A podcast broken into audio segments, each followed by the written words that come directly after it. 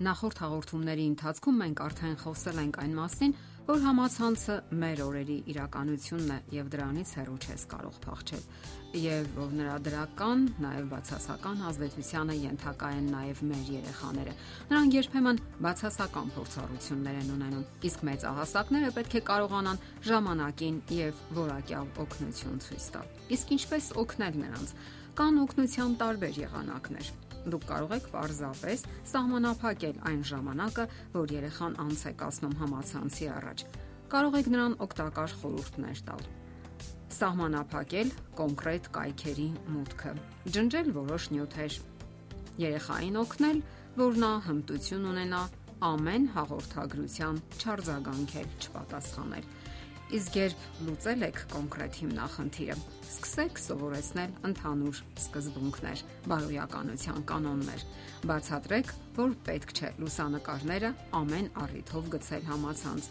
Բացատրեք, թե ինչպիսի հակոստներով, ինչ դիրքերով լուսանկարներ կարելի է համացանցում տեղադրել։ Նաև պետք է ասել, որ կարիք չկա անձնական նամակներն ու նկարները ի ցույց դնել բոլորին։ Չէ որ համացանցում լողում են ամեն տեսակի անznավորություններ, ամենատարբեր դաստիարակությամբ, աշխարհայացքով եւ նաև ամենատարբեր դիտավորությամբ։ Իսկ երեխաները բոլորովին պատրաստ չեն այդ օրինակ մարդկանց հետ հանդիպումների։ Հարկավոր է երեխաներին չդասյարակել սոցիալական կայքերում կամ համընդհանուր էջերում։ Այսինքն, կարիք չկա բոլորին ի տես խրատել երեխաներին կամ դիտողություններ անել։ Անընդունելի է նաև ոչ պատշաճ մեկնաբանություններ թողնելը։ Ուշադրություն դարձրեք ձեր երեխայի հասակակիցների մեկնաբանություններին, որpիսի հասկանաք նրանց աշխարհը, նրանց զարգացման աստիճանը, նույնիսկ հումորի ընկալումը։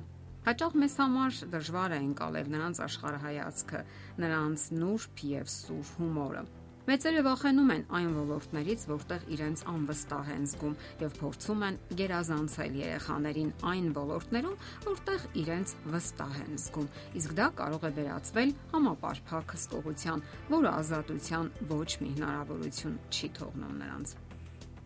Միշտ պետք է հիշել, որ երեխային անհրաժեշտ է անznական տարածք, թե իրական կյանքում, թե վիրտուալ աշխարհում։ Դա հարգանքի նշան է երեխաների հանդեպ, այլապես կկորցնեք նրանց վստահությունը, իսկ ազատության համապատասխան չափականակը անհրաժեշտ է երեխաների զարգացման սեփական կերպը գտնելու եւ պահպանելու համար։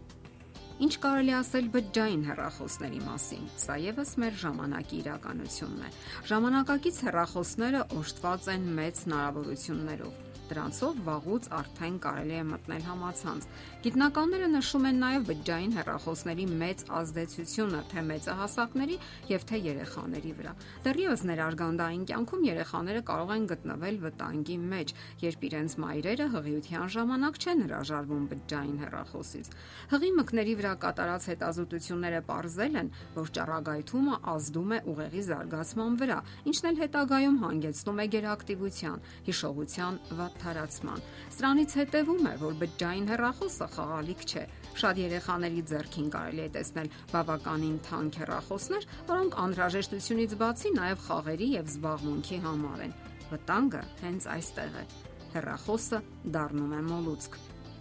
Թվային տեխնոլոգիաները վաղուց արդեն առնչվում են առողջապահական ոլորտին, ոչ միայն սոցիալական։ Երեխաները եւ երիտասարդները հեռախոսը սկսում են համարել իրենց մարմնի մի մասը եւ նյարդայնանում են, երբ այն իրենց մոտ չէ։ Ցանկանալով չկտրվել հասակակիցներից նրանք ամենուր եւ միշտ միացրած են թողնում հեռախոսը։ Իսկ երբ հաղորդագրություն եւ զանգ չեն ստանում, դարձյալ տագնապում են եւ անհանգստանում, իրենց ավելորդ ու անկարևոր են զգում։ Այդ զգացումն է նրանց հարկադրում անմիջապես պատասխանել ստացվող բոլոր հաղորդագրություններին, ինչն իրականում բոլորովին էլ պարտադիր չէ։ Իսկ հետո իրենք են փորձում այդ ձևով կապի մեջ մտնել անվիճելի է իհարկե բջջային հեռախոսների օգտակարությունը եւ հաճախ նաեւ անփոխարինելիությունը ծայրահեղ իրավիճակներում։ Պարզապես անհրաժեշտ է, որ մարդու կամքը վերահսկի սարքերին, այլ ոչ հակառակը։ Այսօր շատ մասնագետներ նշում են, որ չափազանցված սերը հեռախոսի հանդեպ ազդում է նաեւ փոխհարաբերությունների հմտության վրա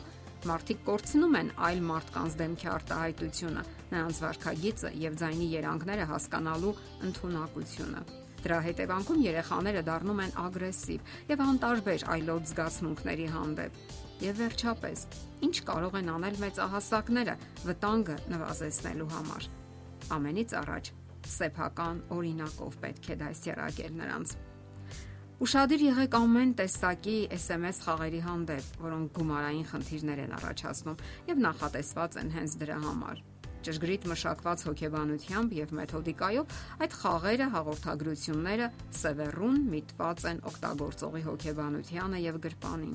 մեծ հաջողությամբ վաստակելով բավականին ծանրակշիռ գումարներ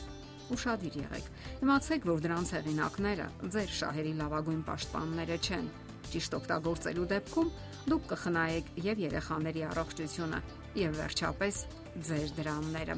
Ամփոփելով կարող ենք ասել, որ հարկավոր է ուշադրության կենտրոնում պահել երեխայի փխրուն չձևավորված աշխարհը, ճիշտ ուղղորդել նրա կյանքի նավը եւ հետագայում ճաշակել դրա լավագույն պտուղները։